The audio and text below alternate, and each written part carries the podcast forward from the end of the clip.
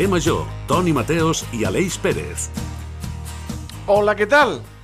Google ha fet públics les paraules i els termes eh, més buscats a la xarxa durant aquest 2023. Volen saber què és el que busquem? Doncs la llista l'encapçalen la intel·ligència artificial ChatGPT, les eleccions generals del 23 de juliol, la Copa Mundial Femenina de Futbol, el conflicte entre Israel i Gaza i la cantant colombiana Shakira. Shakira, Shakira. A més, d'altres assumptes relacionats amb notícies, televisió, esports, sèries, cinema o música. Quan a termes desconeguts per la majoria dels usuaris, el més buscat ha estat amnistia. Sí, sí, molt seguit de lawfare. Molta gent no sap en què consisteix una amnistia i molta menys gent eh, sap el que és el lawfare, que encara no ho tenim del tot clar. Les eleccions del 23J també han despertat molt d'interès entre els usuaris. Les frases o paraules més buscades és com saber si m'ha tocat més electoral, com votar per correu o com lliurar-me d'estar en una taula. I això, que votar en plenes vacances no va fer molta gràcia. A la llista de personatges més populars, a banda de Shakira, trobem a Mbappé, que continua a França per disgust dels madridistes. Seguit de la futbolista espanyola campiona del món Jennifer Hermoso, ja saben, el cas Rubiales, que encara coeja. Pel·lícules. S'ha buscat Oppenheimer o Barbie. O programes de televisió com La isla de les tentaciones o Grand Prix. Aleix Pérez, tu que has buscat en guanya Google, estimat? Doncs molt bona tarda, Toni Mateus. Jo he, d'assumir, no? he d'acceptar que al final la nostra feina ens porta moltes hores i una de les coses que més cerco és el soft català, que jo crec que és una eina bàsica pels periodistes, que en general doncs, intentem no fer massa faltes, però sempre per si de cas, aquella última repassada pel corrector per veure si tot està on ha d'estar, doncs crec que mai falla i és una de les cerques no, més sí que falla habituals. el soft català, eh? Sí que falla. Sí que falla, ja ho sé, però Sí. igual, de totes maneres, jo per si de cas també m'agrada cuidar-me en salut, inclús passar-ho per, per un parell de correctors abans. Ai, si busquen carrer Major a Google, els hi sortiran moltes ciutats i molts pobles i viles de Catalunya Sí, amb el nom d'aquest carrer. Però si fiquen carrer Major Ràdio, allà hi sortim naltros.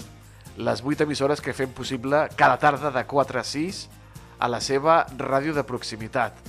Amb la xarxa, en Iago Moreno als controls tècnics i un servidor, el Toni Mateos, acompanyat de la seva al·lèrgia, darrere dels micros. Benvinguts a Carrer Major, el més buscat a Google. Tot el que passa al Camp de Tarragona t'ho expliquem a Carrer Major.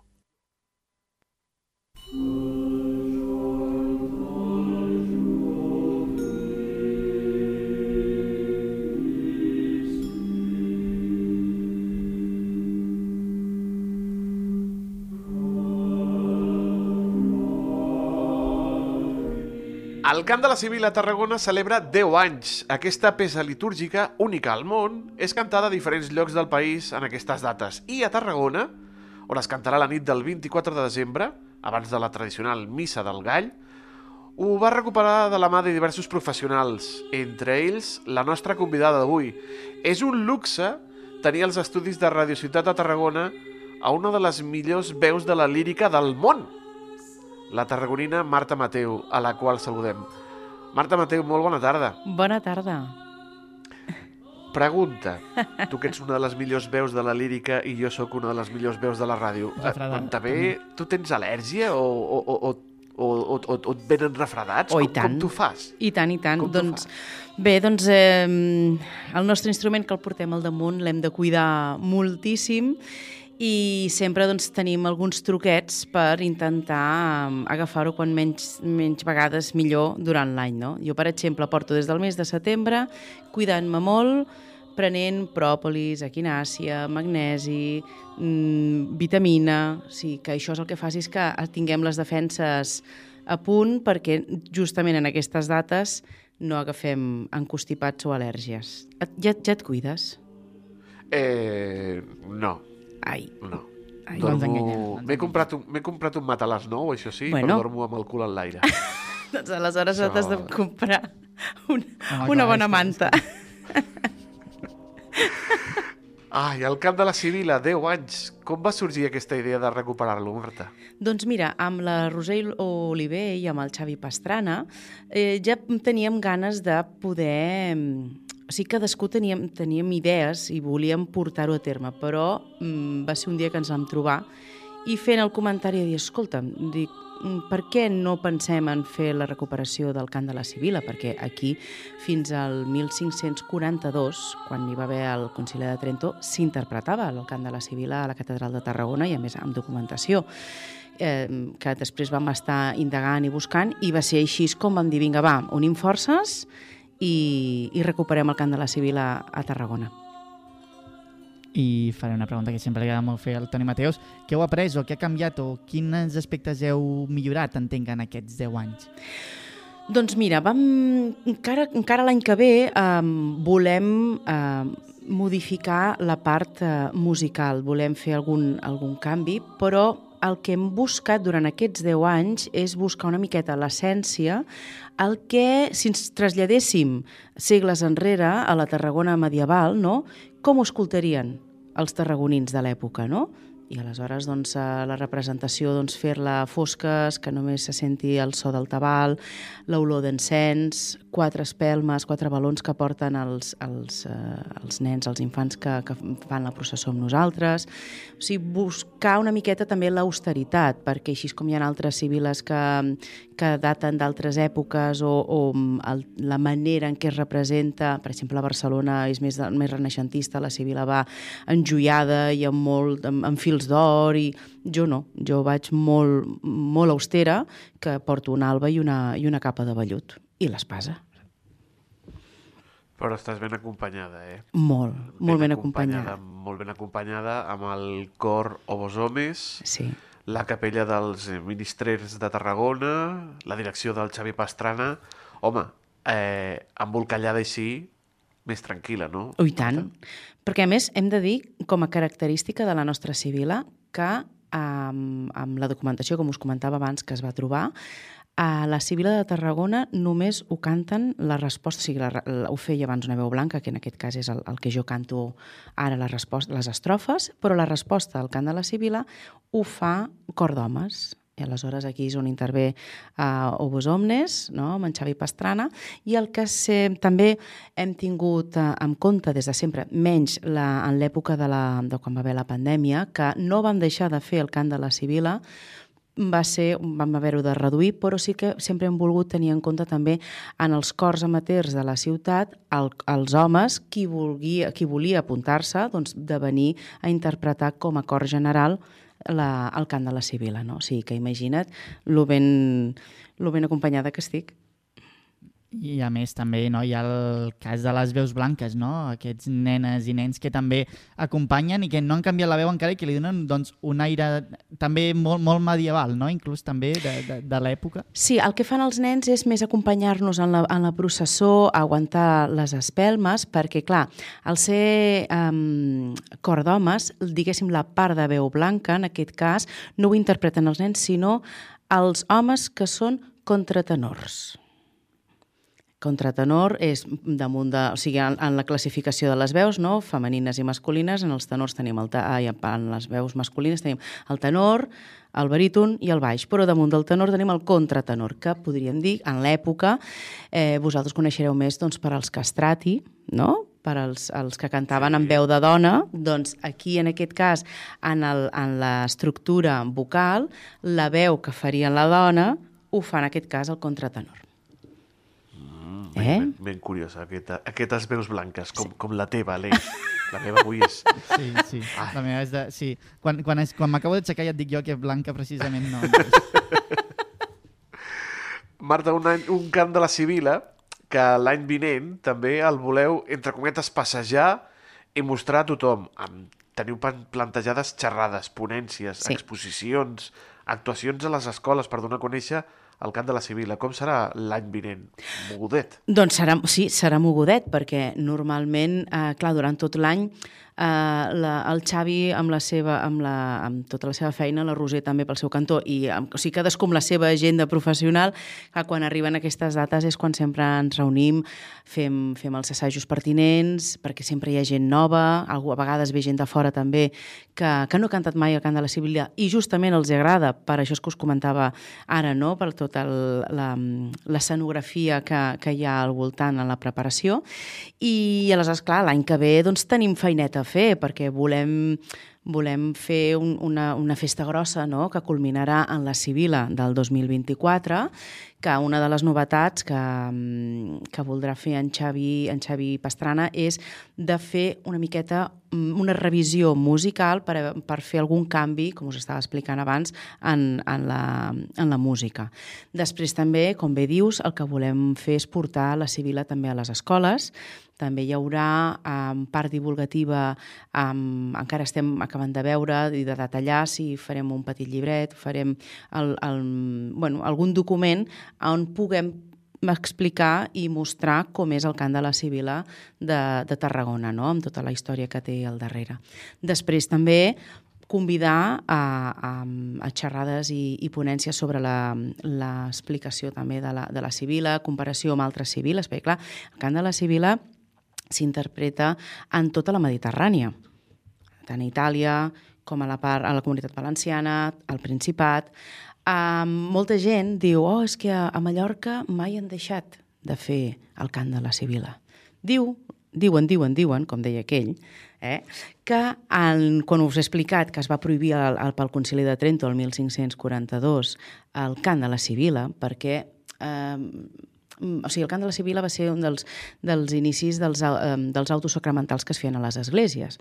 Abans la gent era molt analfabeta i la manera de, de fer-los entendre i d'explicar-los era doncs, amb aquestes representacions.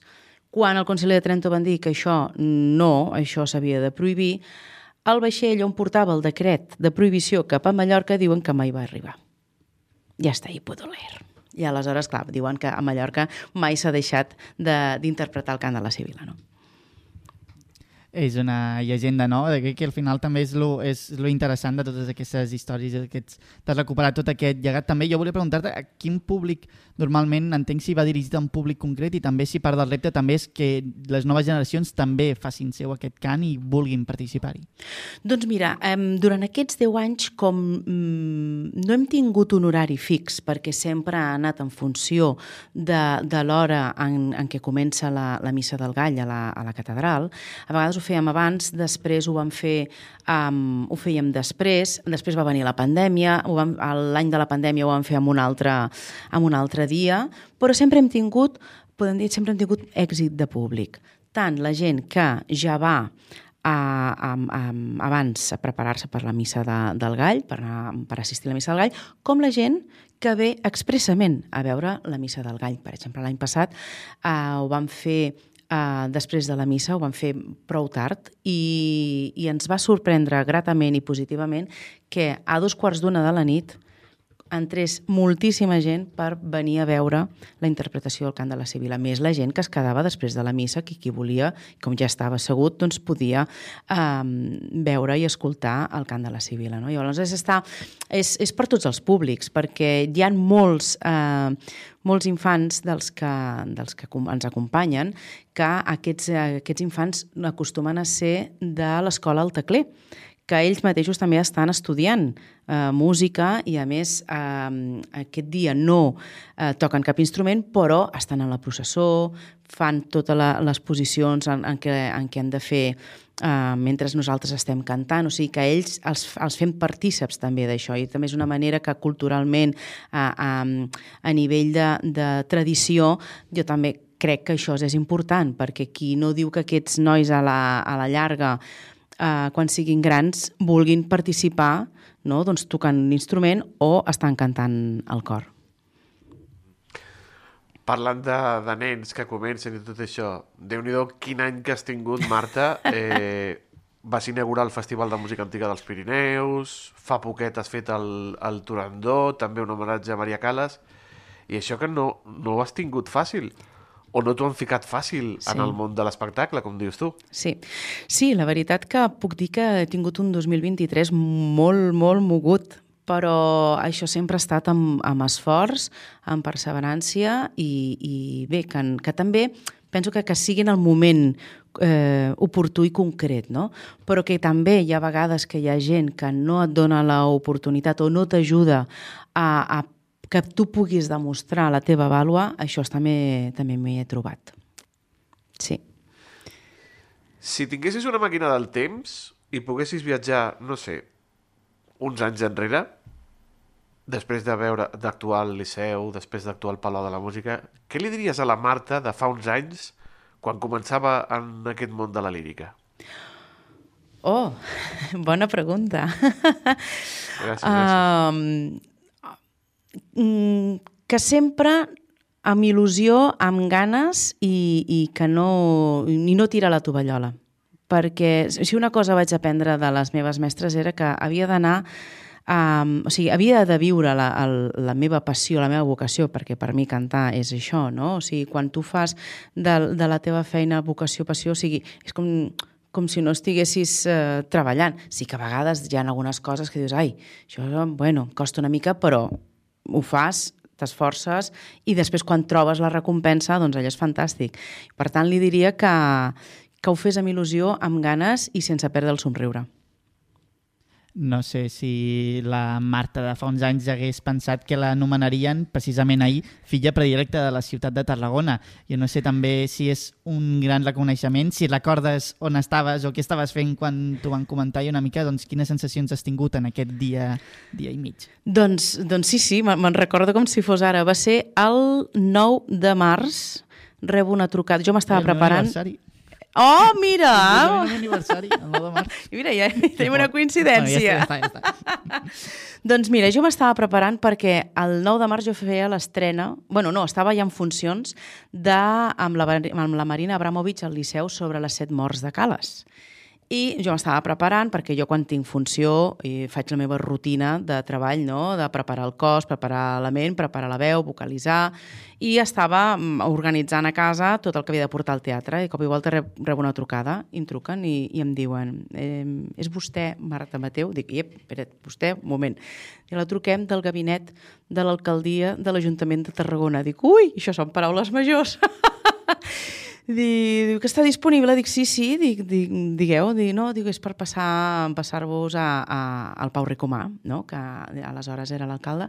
Dic sí, sí, llavors el Pau, a títol com a títol d'alcalde, em fa dir, mira Marta, dic que et faig aquesta trucada dic, perquè sàpigues que hem aprovat en sessió plenària de, que, de fer-te filla predilecta. En aquell moment jo era com, què? dic, oh, oh, oh, oh! I llavors, clar, a la meva... Jo, com sóc molt així, molt extrovertida, jo, no, doncs vaig començar a saltar per casa. Mentre el Pau m'anava m'anava dient, m'ho anava explicant, i jo, oh, oh, oh, que bé! Que... Perquè penses, dius, a veure, espera't un moment, paren màquines, no? Dius, a veure, filla predilecta, normalment, a la gent, filla adoptiva, filla predilecta, per una trajectòria, més amb edat, i pensava, dic, a veure, dic, jo encara sóc jove, dic, però bueno, dic, mm, doncs això es vol dir que, que tota la feina que he fet doncs um, ho han vist i, i, i és per això no, que em volen, em volen donar aquest, uh, aquesta alta distinció. I ahir van fer, van fer l'entrega i, clar, estava jo tota cofoia, amb tota la família, amics, familiars, i a més també amb, uh, amb en pare, el Paco Xamar, que l'han fet fill adoptiu, i bé, va ser una, una tarda estupenda també amb l'alcalde i amb la Sandra Ramos que, que també estaven allà. Bueno, i també el Pau i, i tots, els, i, i, i tots els, els consellers que també estaven allà, no? Fantàstic. Filla predilecta de la ciutat de Tarragona, una fan de Lina Morgan, una xica que fa molt bé la cabra i que també, si la truquen d'Antena 3 i li diuen «Hola, sóc el Manel Fuentes, vols venir a tocar a Me Suena?» diria que sí. Sí, sí. Sí, sí. Jo també, jo aniria a tocar a No Me Suena. Amagat darrere d'una màscara. No, però la, a la màscara no, però el de màscara aquell, el, el... Quítatela, no, però però al tocar me suena, t'agradaria allò de quan Sí. et diguin i ara Marta se va a transformar en... Rafaela Mercury"? Carrà. O Freddy, O no, o Rafaela... no, És que clar, tu has dit Lina Morgan, però és que jo és... O Lina, o Lina Morgan. L- o de Georgie Dan. Baixen O- les escales, t'ho imagines? Oh, agradecida i dos emocionada. xiques de revista... Jo ja m'hi veig, ja m'hi veig. Això sí, que no em posin mallot. Que... Bueno, sí, que me'l posi, que llavors faré la Beyoncé també. Oh, el de Single Iris també. O sigui, a mi, ja, veus? O sigui, tot. jo tot. Ha estat molt divertit parlar una estoneta amb tu. Igualment. Eh, te desitgem eh, molta merda. S'ha dit molta merda Sí. pel, pel camp de... Sí, sí. Saps pel per què? la Sevilla, també. Saps per què es diu molta merda? Per Perquè... els cavalls i tot això, no? Efectivament, o sigui, quan en un teatre hi havia molta merda de cavall a la porta, volia dir que, que paraven molts havia carruatges amb gent Sí, que sí. anava a veure la funció, o sigui que d'aquí ve el terme de molta merda. Pues molta merda eh, a les portes de la catedral de Tarragona. Després els serveis de neteja diran ostres, ostres, a veure com ho he deixat això, no? Però bueno, que vagi molt bé al camp de la Sibila Moltes i que gràcies. tinguis un 2024 eh, igual o millor que aquest 2023. Moltíssimes gràcies. Gràcies per convidar-me i res, us espero si voleu venir el, el dia 24 a les 11. Uf, és que tinc sopar a casa. Ai, bueno, mare. passa res. Ma mare és molt de missa, eh? però ella va a Sant Francesc, a Reus. Ella és de la missa del gall de Sant Francesc. A veure, Molt bé. una abraçada, Marta. bé, Igualment, gràcies. una abraçada, gràcies. Adéu. Carrer Major, a la teva ràdio de proximitat. Blau era un somni Blau eres tu somiaves Deixa que hi torni per un moment. Però mai en tinc prou. Avui a la nostra secció de col·laboradors toca gèneres i anem a conèixer un cas de primera mà amb la seva protagonista, la Josephine, una dona trans que va decidir transitar ja en edat adulta. La resposta del seu entorn, les dificultats del seu dia a dia, els prejudicis o una cosa tan simple i bàsica com el mercat laboral o la pràctica de la seva passió, el ciclisme, ho analitzarem amb ella aquesta tarda. La tenim assentada als estudis de la nova ràdio de Reus i la saludem. Eh, Josefina Agustín, bona tarda.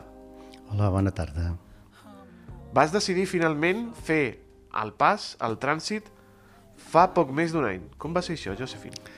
Doncs mm, bé, bé jo sempre m'he sentit dona, sempre ho he sigut, i arriba un punt que realment me sincero a mi mateixa. I, i llavors simplement dius, a veure, jo quan me sento feliç és quan sóc dona, no quan estic actuant com a, com a home, que és el paper que se m'havia assignat a la societat. I en aquest moment és quan bueno, poso en marxa els mecanismes per agafar informació i a través de, de PATS Reus, de SAI, de Trànsit, de CatSalut, doncs engego el procés. Ah, Parlem de, de SAI. Eh, el que va significar per tu conèixer aquest servei de la xarxa SAI, aquest servei d'atenció integral, Josefina? Doncs és la, la nit i el dia. O sigui, eh, parteixes de que no tens cap informació, de que, de que no saps on, on pots acudir, no, no saps què, què pots fer o què no pots fer o què, o si hi ha algun servei que, que et pot ajudar. I la veritat, doncs a partir de de- d'acudir a SAI doncs mm, se t'obre tot un ventall de possibilitats i tota la informació que necessites doncs l'obtens de manera immediata. Entenc que és molt important, no?, en situacions així, Josefín, també de comptar amb el suport de, de persones que saben orientar-te i també sentir doncs, que, de, que, que no estàs sola. Sí, evidentment. Uh, a veure, partim de que, de que la primera dificultat que vaig tenir jo va ser en acceptar-me tal com era, en, en mirar-me al mirall i agradar-me. Uh, en treure'm de sobre tots els prejudicis que tenia, que venien donats d'un entorn social, que és el que hi havia als anys 70, 80 i posteriors, on tot això era mm, com, a, com una cosa demoníaca. No? I, i bueno, eh, el fet de que, de que per fi tens una, una opció que et permet exercir la teva llibertat personal de mostrar-te tal com ets i tal com te sents, doncs la veritat és molt alliberador. Com ho van acceptar a, a casa? Com ho van acceptar la família, els amics, eh, qui ho sabia i com va ser a, a, aquest procés, Josefina? No ho sabia ningú, només ho sabia jo. Uh, el primer que vaig fer va ser posar-me en contacte amb la meva doctora de capçalera, que em coneix des de fa 14 o 15 anys, i li vaig fer una consulta, als 5 minuts me va trucar. Escolta, me diu ella, dic, és que no m'havies dit mai res, ni a tu ni a ningú. Eh, llavors ella em va passar també el, el contacte de trànsit de CatSalut eh, i llavors allí ja te concerta una entrevista amb la ginecòloga, amb la psicòloga de recolzament i tot això. Eh, la família, doncs, els que t'estimen de veritat, els hi pot costar més o menys, però, però t'estimen i estan amb tu. I els amics eh, ha sigut un, una molt grata sorpresa i no només els amics, sinó les persones que no et coneixen o que et coneixien d'anar a la botigueta de sota de casa, tot això, mostren molta simpatia sobre, sobre el que ells diuen la valentia que he tingut de, de canviar, de canviar per ser jo mateixa, per ser feliç, per sentir aquelles emocions que no sentia des de petita. Mm? I la veritat que eh, per norma general és, és encantador. Des d'aquí també, des del, des del carrer Major, que jo personalment eh, et conec eh, del, del Salvador Vilaseca, doncs t'aplaudeixo per, per aquest, aquest enorme i tan valent pas. Eh, I a la feina, com va ser el trànsit de la feina? Ja que crec que et dediques al, al món de les finances, no, Josephine? Mm, bueno, simplement comptable. És la, la persona que endreça les coses, bàsicament. Bueno, la que fa els asientos comptables, el que, que deixa que tot quadri. Exacte. Bueno, la feina eh, a nivell de companyes i companys de feina va ser molt bonic. A nivell de la patronal doncs, va costar més i, i al final, doncs, mira, un dia vaig trobar una oferta de treball a una altra empresa vaig presentar el meu currículum com a dona trans, a més ho vaig escriure, és una mica garrula a vegades, vaig fer una entrevista i em van contractar. O sigui que puc estar supercontenta que la primera, el primer currículum que envio, la primera entrevista que faig, i, i vaig trobar una altra feina on ja m'han contractat com a Josephine sense cap prejudici ni res, amb la qual pues, puc estar molt orgullosa. També, Josefín, jo et volia preguntar una mica per la salut mental. Entenc que també a vegades és, és complicat, no? Entenc que també és, és important també fer una bona feina de, de, de construcció també i de, i de gestió emocional de, de les adversitats que et vas trobant en el teu dia a dia. Bé, a veure, uh, adversitats n'hi ha hagut sempre. I, I ja de molt petita tenia depressions, estava trista, el rol que em tocava com a, com a noi i sent una persona molt sensible doncs feia que eh, tingués un rebuig al col·legi i, i tot aquest, eh, aquest bagatge emocional doncs, te fa créixer, te fa ser més forta, te fa, te fa ser més valenta, aprens a gestionar moltíssimes emocions i, i sí, evidentment, quan arribo jo al trànsit eh, diguem-ne que tinc un equilibri bastant correcte com per, com per poder gestionar doncs, eh, bueno, doncs les persones doncs, que no t'accepten o les persones que se t'encaren, però al final ho trobo com un repte, perquè eh, quan algú te diu ah, és que jo, te, tu ets el meu amic i seguiràs sent el meu amic, dic, no, no, perdona, allò em fa mal, però m'ajuda a créixer i la segona vegada que lo trobo amb aquesta, amb aquesta personeta, li dic, mira, dic, m'has fet mal? Diu, però m'has fet créixer. Mm? Diu, perquè si abans m'importava com me veies, ara el que m'importa és com me sento. Hi ha un gran creixement personal aquí i et volia preguntar també, no sé, en, en casos, per exemple, on veus doncs, doncs, gent, gent trans, no? ja inclús de, de ben petits també, no sé quina sensació tens o, o, o si tens la sensació de que realment estan avançant molt les coses i està venint una normalització important també del col·lectiu trans. Uh, aviam, uh, evidentment que s'ha de, de... no és normalitzar, o sigui, eh, totes les persones poden expressar-se o ser lliures de triar.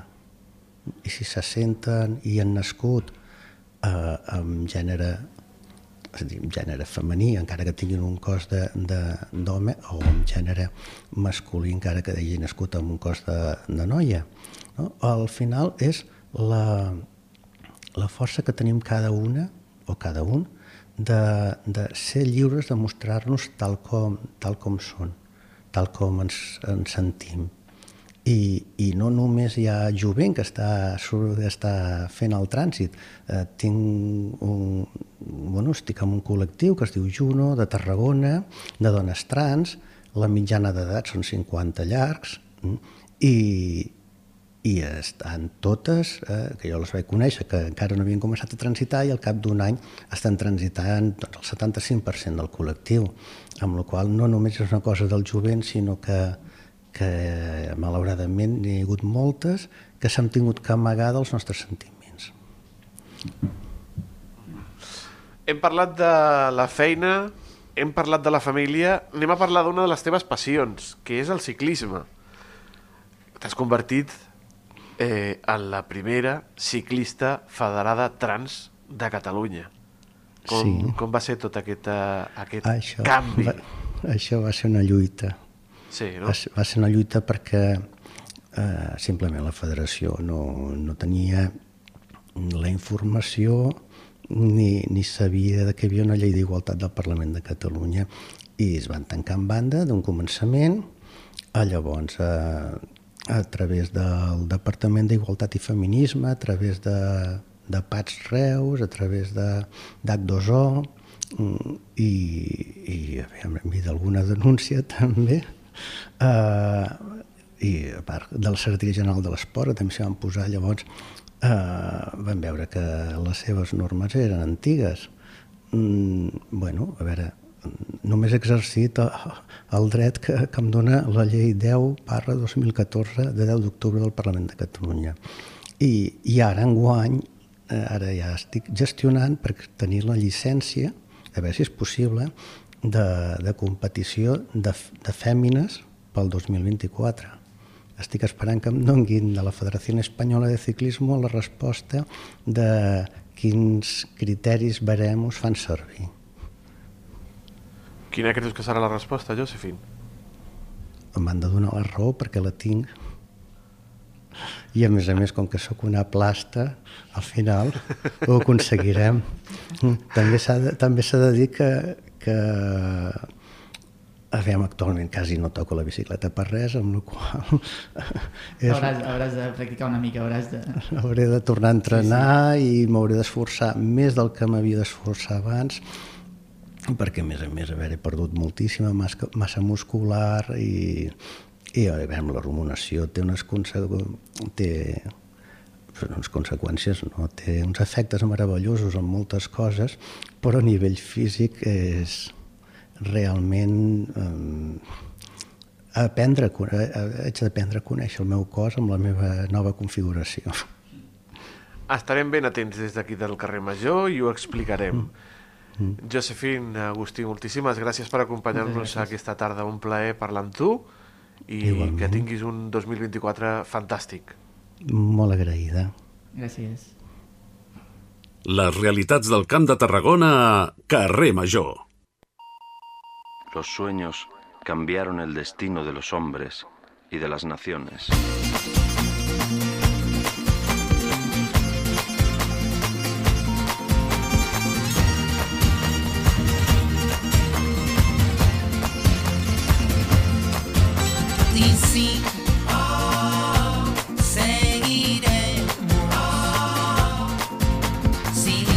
Perdido, yo digo buscando. Si no puntillas, alcanzamos. Com li agraden al macaco? Quan toca parlar d'ODS, eh, al nostre company d'Aleix ficar aquest tipus de música. Arribem bueno. als últims ODS de l'any, a l'Eix. Sí, arribem en aquests, els últims ODS de l'any, aquesta secció a la qual jo personalment vaig començar amb carrer Major i com sempre hem anat revisant totes aquelles fites que ens marca l'Organització de les Nacions Unides, la ONU. Avui parlarem de l'ODS número 3 dedicat a la salut i al benestar i el número 17 que busca generar complicitats i aliances per aconseguir objectius. Per parlar-ne avui tenim amb nosaltres a Jordi Rodríguez, coordinador de la FANOC a Tarragona. Molt bona tarda, Jordi. Molt bona tarda. Bé, abans de començar, recordar per la gent que vagi una mica perduda que la FANOC són les sigles de l'Associació de Famílies i Amics de Nens Oncològics de Catalunya. Bé, què feu en aquesta FANOC, en aquesta associació? Bé, en, aquest, en aquesta associació, des de la nostra asso- associació, el que, el que volem fer i el que fem és acompanyar totes les famílies que tenen un nen o una nena amb càncer durant tot el procés de la malaltia. Des de l'inici, des de que hi ha el diagnòstic, fins al final que si hi ha la cura, o en el cas de que no sigui així, doncs també acompanyant el procés de dol. Des de l'inici fins al final. Exacte, entenc que també és, és important no estar en totes les fases en un moment delicat per les famílies. És clar, és clar, perquè aquest moment, en aquest moment passen moltes coses. Passa, passa la malaltia, passa el càncer infantil i, evidentment, d'això s'encarreguen els hospitals de referència que estan a Barcelona, però passen moltes més coses. També passa, hi ha tot un trastorn o tot un moviment emocional, hi ha tots uns canvis de, de domicili, han d'anar a l'hospital, hi ha canvis en l'àmbit educatiu, el nen o la nena deixa d'anar a l'escola, doncs tot això és el que intenta FANOC, donar un suport a les famílies, acompanyar-les, perquè aquest trànsit doncs, sigui del, de la millor de les maneres. I una de les activitats que, que us ha fet portar aquí a, en aquesta entrevista és que teniu ja tocats la travessa Montblanc, Mora, Mora, Montblanc, si no m'equivoco, que se celebrarà el 3 de febrer. Com va sorgir aquesta iniciativa, aquesta bogeria i també com l'esteu tirant endavant? Ho, ho has dit molt bé, aquesta bogeria. El, el boig, el, el magnífic boig és en Joan Roig, que el, 2000, el 2020, el que decideix, conjuntament amb el club, amb el club excursionista de Montblanc, decideixen, era l'època de la pandèmia, ja no ens en recordem, i decideixen crear travesses solidàries. I ens escolleixen a nosaltres, Joan Roig ens escolleix a FANOC, a la nostra associació, per fer la travessa solidària. I des de llavors fins ara, ara vindrà la quarta edició, com bé, des del 3 de febrer del, del 2024 se celebra la quarta, la quarta edició, i a partir d'aquí se, se genera aquesta aliança, això que parlàveu dels, dels, dels objectius aquests de desenvolupament sostenible, i el que aconseguim és una aliança molt maca, molt fructífera, portem més de 25.000 euros amb aquestes tres travesses, que ens han ajudat amb moltes coses a la FANOC, i a part del, del monetari, que evidentment és necessari, perquè les famílies mai paguen res, és un dels valors de la FANOC, sí que també ens ha ajudat a donar a conèixer i a, i a transmetre què és la FANOC i a donar informació i sensibilitzar envers el càncer infantil. I crec que fins al moment que, que funciona molt bé. Abans, deixa'm, abans de passar a parlar d'altres activitats, parlar d'aquest- d'aquest- d'aquesta ruta, perquè són més de 100, 100 quilòmetres i 3.500 metres de desnivell, que es diu ràpid, però déu nhi també. Sí, jo, jo és una de les coses que sempre li dic amb el Joan, que no ho entenc, però deu, deu, deu tenir a veure que jo no, que jo no, que jo no corro. I aquest any, aquest any uh, hi, ha, hi ha una novetat, que, perquè realment és dur, és molt, ha de ser molt dur, no m'ho puc ni imaginar, 100 quilòmetres. Però aquest any es pot fer en quatre, en quatre etapes d'uns 25 quilòmetres i llavors donarà cabuda a persones que potser no es veuen amb cor d'abordar aquests 100 quilòmetres, però sí petites etapes, petites entre cometes, de 25 quilòmetres. Sí, i, i bé, jo entenc que també volia preguntar una mica com, com es generen aquests ingressos a partir de la, de la cursa solidària. Bé, bàsica, bàsicament, o l'inici són, les, són, són les, les recaptacions que es fa per les inscripcions, que la, tota persona que es vulgui inscriure pot entrar a la pàgina web Travesses Solidàries i allà es pot inscriure, però a partir d'aquí en Joan, en Joan Roig, a part de la travessa, ha generat tot un seguit de complicitats amb l'Ajuntament de Mora, l'Ajuntament de Montblanc, amb escoles, clubs esportius, que generen tot un seguit d'activitats al voltant de la cursa. Sí que la cursa és el 3 de febrer, però passen moltes més coses. Tant abans com després van succeint tornejos de pàdel solidaris, tornejos ciclistes solidaris, escoles que munten activitats solidàries i tot això sumat és el que, el que fa que, que s'aconsegueixin aquestes xifres que tant, tant ens ajuden a la FANOC. Potser és aquest, no? el gran secret, la transversalitat a l'hora d'aconseguir ingressos no? de, de, de diferents associacions i inclús col·lectius i, i, i gent que, que ho fa possible. Correcte, correcte. És que acaben sent més de 30 entitats, entre, entre entitats esportives, públiques, acaben de ser més, més de 30 entitats que acaben donant, van fent la bola gran, la bola es va fent gran, gran, gran, gran, i acaba sent això, acaba sent un, un gran esdeveniment que va sí que el, sí que el nucli i, la, i, la, i el punt principal és la travessa, però va molt més enllà de la travessa. Hi ha moltes més coses i per això demanem a les persones que estiguin interessades en tot això que estem plantejant, tota aquesta implicació envers el càncer infantil, que estiguin atentes tant els dies abans com els dies després, perquè van succeint més coses a part de la, de la travessa. Exacte, perquè la FANOC no pareu, no? Com qui diu, sempre esteu pensant activitats i imaginant. Potser la gent sí que té al cap, no?, en l'imaginari col·lectiu, el famós posa la gorra, que entenc que potser és una de les campanyes estrella de, de, de l'associació. Correcte, és el nostre símbol, és el nostre símbol, aquest eh, el posa la gorra. I, I per aquest 2024 FANOC Tarragona celebra 20 anys, perquè fa 20 anys que estem aquí. Nosaltres vam, vam entrar el 2004 i la farem grossa. El, el, el nou posa la gorra, ja tenim data, ja us informarem, ja ho farem arribar a tota la ciutadania, però el 16 de juny farem un posa la gorra al Camp de Mar, com cal, i, i, i bé, serà una festa on hi haurà actuacions, on hi haurà, hi haurà tallers i on bàsicament també hi haurà la, la presència de les famílies que agrairan tot el suport que hem, que hem rebut durant, durant aquests 20 anys i convocarem a tota la ciutadania, i tant que sí.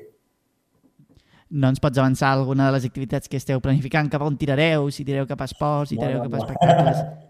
Alguna tenim cosa... la data, tenim, tenim reservat el lloc, és al Camp de Mar, el 16 de juny, és un diumenge, ho farem al matí, i ara estem amb això, estem precisament amb això, buscant què passarà aquell dia allà, sabem que hi haurà actuacions, que hi haurà tallers, que hi haurà animació infantil, però ja, quan arribat el seu moment us informarem, però de ben segur que serà una gran festa perquè vull aturar-me una mica en l'acompanyament que feu. Com, com, com acompanyeu tant als, als nens i les nenes que, que estan en tractament com a les seves famílies? Quina és la, la feina de la FANOC? Com els acompanyeu? La FANOC els acompanya amb tot allò que no té a veure amb la part mèdica. Els hospitals de referència a Barcelona, Sant Joan de Déu i Vall d'Hebron, ells s'encarreguen de la part mèdica, que ho fan molt bé i cada, i cada vegada més amb, amb l'ajut de l'investigació. Nosaltres ens encarreguem de tot allò que no té a veure amb la part mèdica. Per exemple, l'acompanyament emocional, tot aquell xoc emocional que rep la família, no només el nen o nena, sinó el germà, la germana, el pare, mare, avi, àvia, doncs els ajudem a afrontar aquest xoc emocional.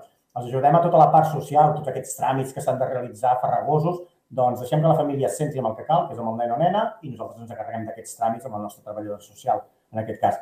Ens encarreguem també de l'acompanyament educatiu, ens, ens coordinem amb, les, amb, les, amb els centres educatius perquè com que el nen haurà de deixar anar a l'escola, doncs doncs bé, que, que, que aquest, aquest retorn a l'escola sigui de la millor de les maneres.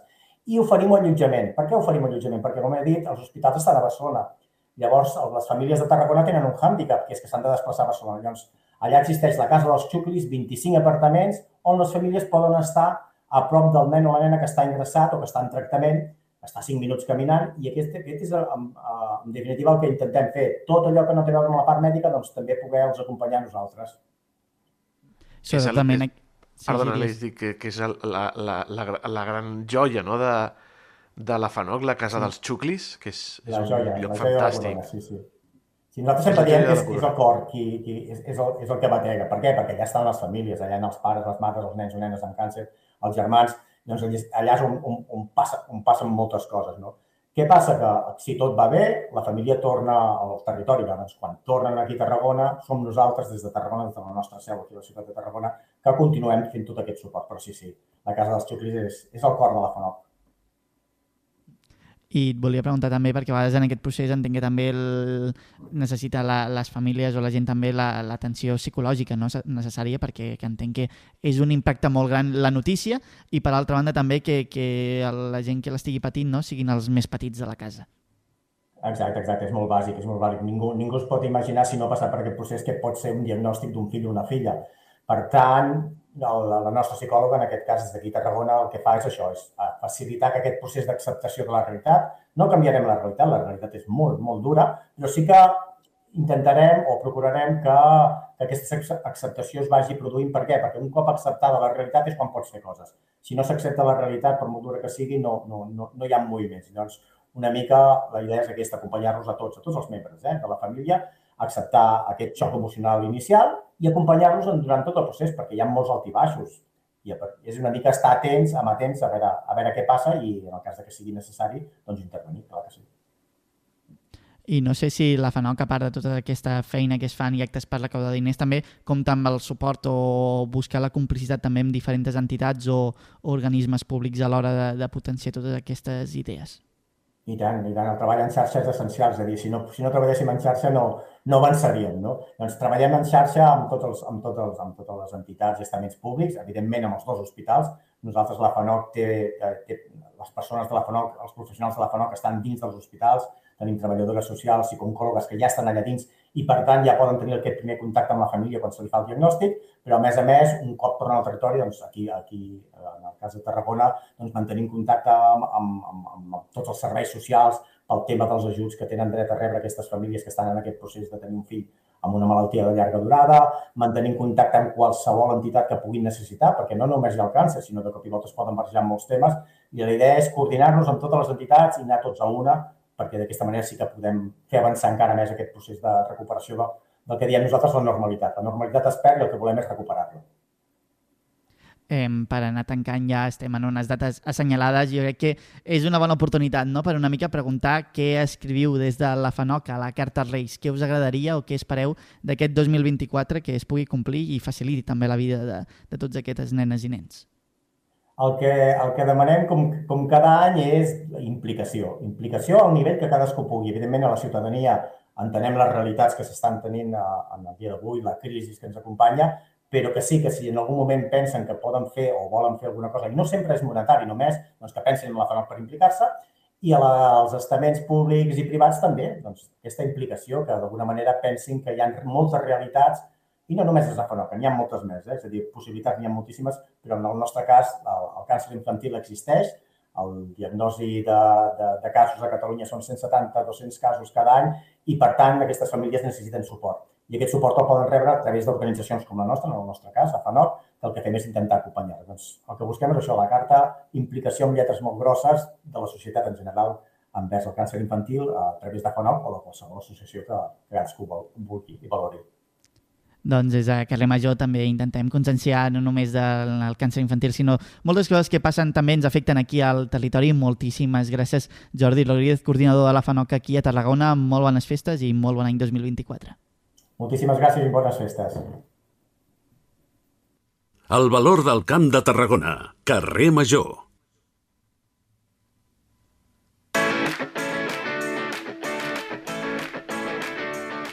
I després de parlar amb ODS, amb la FANOC, anem amb la furgoneta, amb la Ai, nostra la companya, la Cristina Artacho, que avui eh, semblava de xaranga.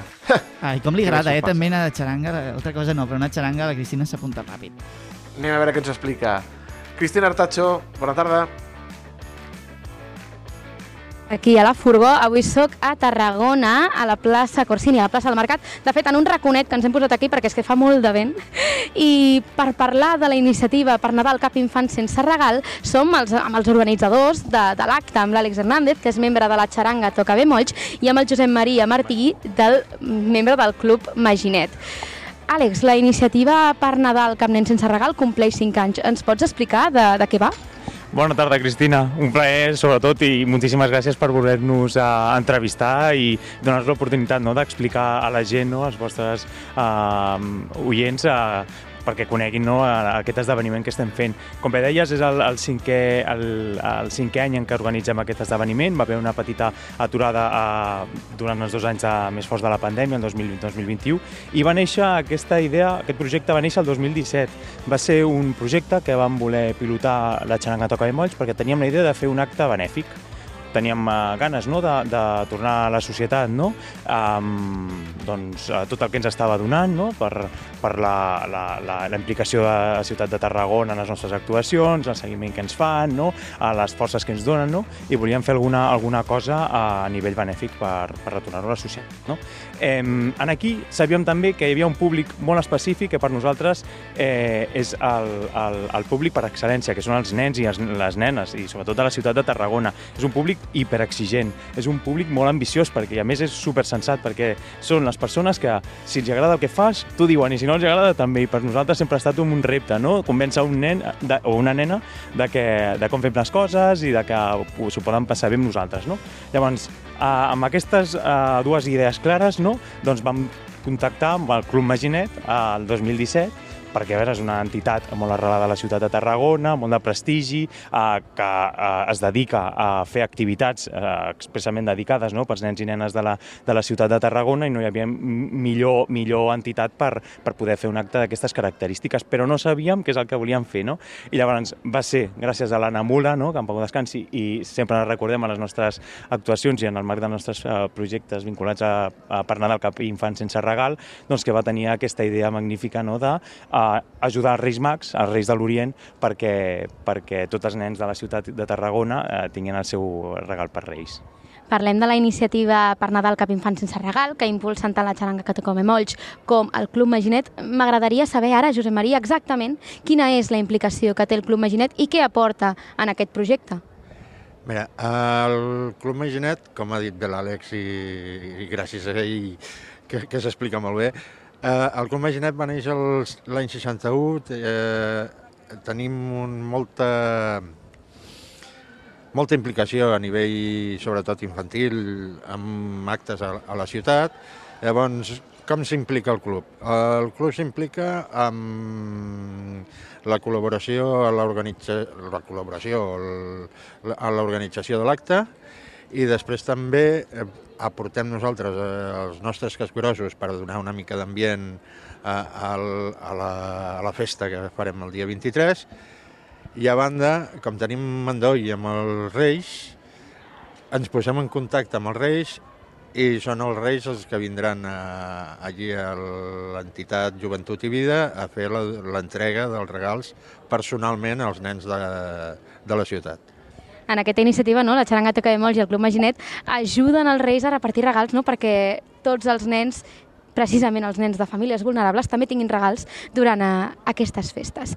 Per fer-ho estan venent unes butlletes i es farà un gran sorteig amb actuació eh, aquest dia 23 aquí a la plaça Corsini, veritat, Àlex? Sí, fa uns dies ja eh, el, el projecte bàsicament eh, consisteix en el que hem anat fent eh, durant aquests eh, darrers anys, no? i el que fem és posar a la venda eh, mil butlletes um, per participar en un sorteig, un sorteig de moltíssims premis. No? Comptem amb moltíssims uh, col·laboradors que han volgut posar el seu gra de sorra per fer doncs, aquest acte doncs, més, més, més interessant per la gent, que col·labori no? i que aconseguim vendre totes aquestes butlletes. No? Doncs sortegem, per exemple, una panera gentilesa de Mercats de Tarragona, una altra superpanera de, de bon preu, uh, un pack de vins de bodega Gerard, un pack de vermuts uh, Miró, un val bescanviable en, en productes de la tenda eh, Bòboli. En definitiva, un munt de premis que, que fan que, doncs, que la gent tingui ganes no, de, de participar.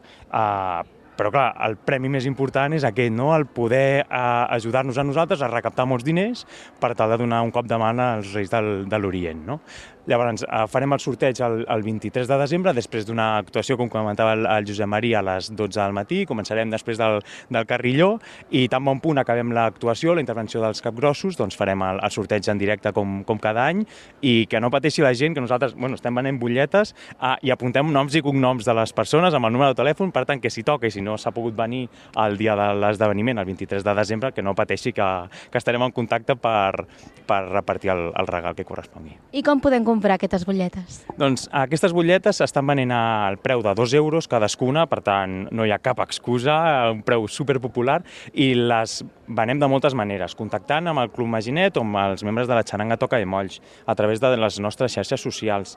Es poden comprar en qualsevol de les nostres actuacions, per exemple, el divendres per la tarda eh, estarem tocant per la, per la per l'Eixample de Tarragona en, en un acte de la, organitzat per la Via T. En aquells moments es poden comprar vendes o inclús a, a butlletes o inclús també en el, en el dia de l'esdeveniment, però cal comprar-les ràpid perquè s'esgoten, eh? Doncs ja ho sabeu, aquest dissabte al migdia, aquí a plaça Corsini, just després que soni el Carrilló, aquesta campanya per Nadal Cap infant sense regal que organitzen tant la xaranga Toca de Molls com el Club Maginet. Veniu que podreu guanyar un munt de premis i sobretot ajudar a que tots els infants de Tarragona Fantàstic. puguin tenir un regal per aquest Nadal. Compra'ns un doncs, parell de butlletes, una per mi i una I altra per l'Aleix. Tornem demà. Adéu. Adéu, adéu fins demà. Adéu-siau.